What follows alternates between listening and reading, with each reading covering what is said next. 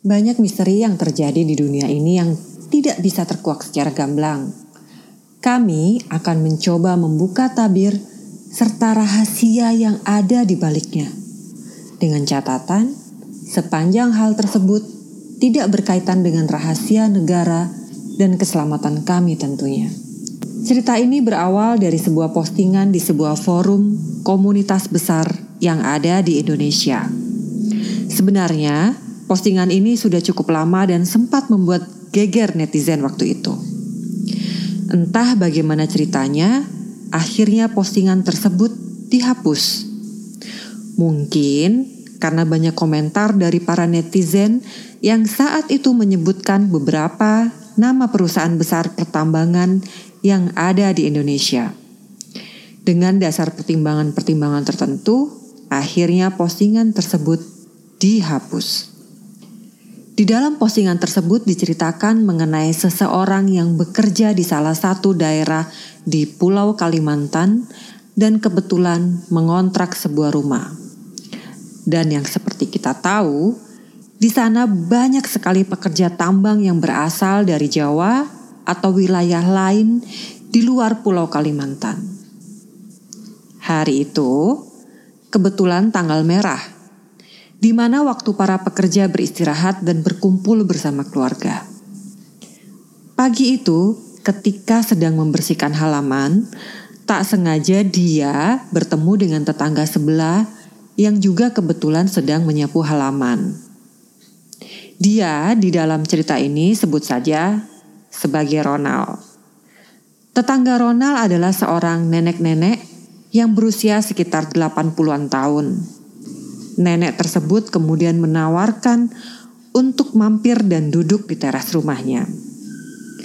Karena memang waktu itu agak senggang, Ronald menerima ajakan nenek tersebut untuk duduk mengobrol di teras sambil minum kopi yang ditawarkan. Pikir Ronald, ya hitung-hitung bersosialisasi dengan tetangga. Karena hari-hari biasa, Ronald sibuk dengan rutinitasnya. Setelah sedikit berbasa-basi, nenek tersebut menanyakan tempat kerja. Dan Ronald menjawab bahwa ia bekerja di pertambangan. Seketika nenek tersebut terdiam dan matanya nanar menerawang jauh seperti mencoba mengingat kejadian yang pilu. Nenek kemudian bercerita. Dulu, waktu nenek masih remaja, nenek bersekolah di SPG, Sekolah Pendidikan Guru Setingkat SMU. Nenek pernah mempunyai teman sekolah. Ayah dari teman nenek tersebut adalah salah satu pekerja di tambang. Keluarga ini memiliki tiga orang anak. Anak sulungnya itu merupakan teman sekolah nenek. Pada suatu hari, teman nenek tadi mengajak nenek untuk melihat pengeboran tambang pertama yang dilakukan di wilayah tersebut. Dia tahu karena ayahnya lah yang memberi kabar, karena ayahnya merupakan karyawan dari perusahaan tambang tersebut. Dan acara itu sendiri adalah acara tertutup karena hanya dihadiri para staf serta petinggi perusahaan. Nenek dan teman nenek datang menuju lokasi. Kami menyelinap dan mencari tempat yang agak jauh supaya kami bisa melihat lebih leluasa. Di sana rupanya sudah banyak orang memakai jas serta berpakaian rapi. Pikir nenek, Mungkin mereka itu adalah para petinggi perusahaan tersebut. Nampaknya acara seremoni belum dimulai karena beberapa karyawan lapangan masih mempersiapkan mesin pengebornya. Teman nenek tiba-tiba kaget dan berkata bahwa adik perempuannya ada di sana. Itu adikku, itu adikku. Pantas saja ayah membelikan gaun putih bagus ternyata untuk acara ini. Begitu ucapnya pada waktu itu. Adik teman nenek itu tidak sendirian. Di sana nampak juga empat anak perempuan lain yang berusia sekitar empat sampai tujuh tahun yang juga turut mengenakan gaun putih juga. Adik teman nenek ini usianya sekitar kelas 2 SD. Dari jauh terlihat adik perempuan teman nenek yang menggunakan pita bunga berwarna putih ini nampak berjalan digandeng ayahnya. Teman nenek berkomentar, "Cantik kan adikku?" Belum sempat nenek menjawab, tiba-tiba terlihat pemandangan mengerikan. Yang sampai hari ini bayangan itu tidak bisa nenek lupakan. Dari kejauhan nampak adik bungsu teman nenek tadi dilempar ke dalam lubang pengeboran tambang tersebut. Dan tidak berhenti di situ. Satu persatu anak-anak perempuan tadi juga dilemparkan ke dalam lubang tersebut. Masih dengan tatapan tidak percaya, Tiba-tiba mesin bor dihidupkan dan mesin yang berbentuk tuas itu kemudian dihentakkan keras ke dalam lubang tambang tersebut beberapa kali. Bisa dipastikan tubuh anak-anak mungil tersebut langsung hancur mengingat besarnya kekuatan mesin bor untuk mengebor bumi. Setelah beberapa kali percobaan hentakan, nampak hasil tambang keluar dengan derasnya disusul tepukan meriah para staf serta petinggi perusahaan tersebut. Seolah-olah seperti tidak terjadi apa-apa. Meski di tempat tersebut baru saja terjadi pembunuhan atas lima orang anak perempuan tidak berdosa. Nampak Wajah para petinggi dan staf tersebut tersenyum bangga dan senang karena hasil tambang yang diharapkan sudah keluar dari perut bumi. Ronald seketika itu juga langsung shock mendengar cerita nenek. Matanya seakan-akan mau lepas saking tidak menyangkanya bahwa ia akan mendengar cerita semacam ini. Nenek kemudian meneruskan ceritanya. Teman nenek saat itu langsung pingsan melihat kejadian tersebut dan sejak saat itu nenek tidak pernah melihat temannya masuk sekolah. Pasca peristiwa tersebut, ayah teman nenek tadi kemudian keluar dari perusahaan tambang tersebut dan memutuskan pulang kampung dengan membawa uang 75 juta. Ya untuk ukuran sekarang mungkin nilainya sekisar 1 miliar. Kejadian tersebut tidak berhenti sampai di situ. Anak sulung keluarga itu yang juga mantan sekolah teman nenek tak pernah keluar rumah. Dia menjadi gila Disusul kemudian ibunya juga menjadi gila. Yang masih waras cuma ayahnya dan adik lelakinya nomor dua.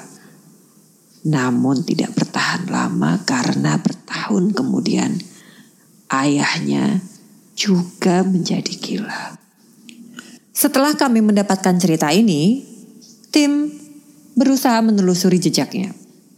Mencoba membuka tabir serta ada rahasia apa di balik cerita ini?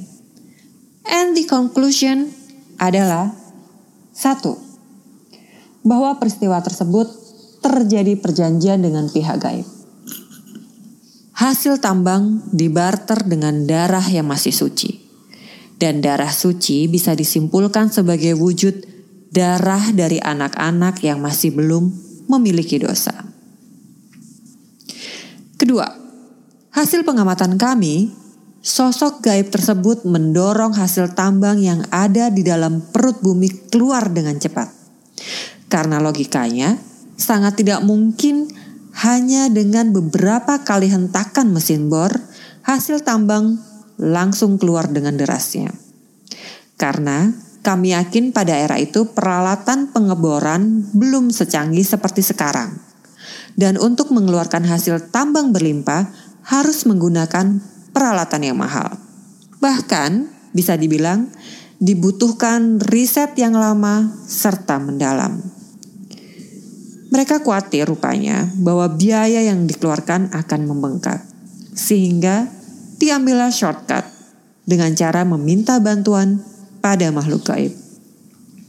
Mereka berpikir jika dengan modal minim bisa mendapatkan hasil yang berlimpah. Kenapa tidak menggunakan jalan pintas? Boleh dibilang, hasil tambang adalah sebuah harta karun yang berlimpah. Jangan salah, dengan memilih menggunakan shortcut, maka akan dibutuhkan darah-darah terus yang diminta untuk setiap beberapa tahun sekali.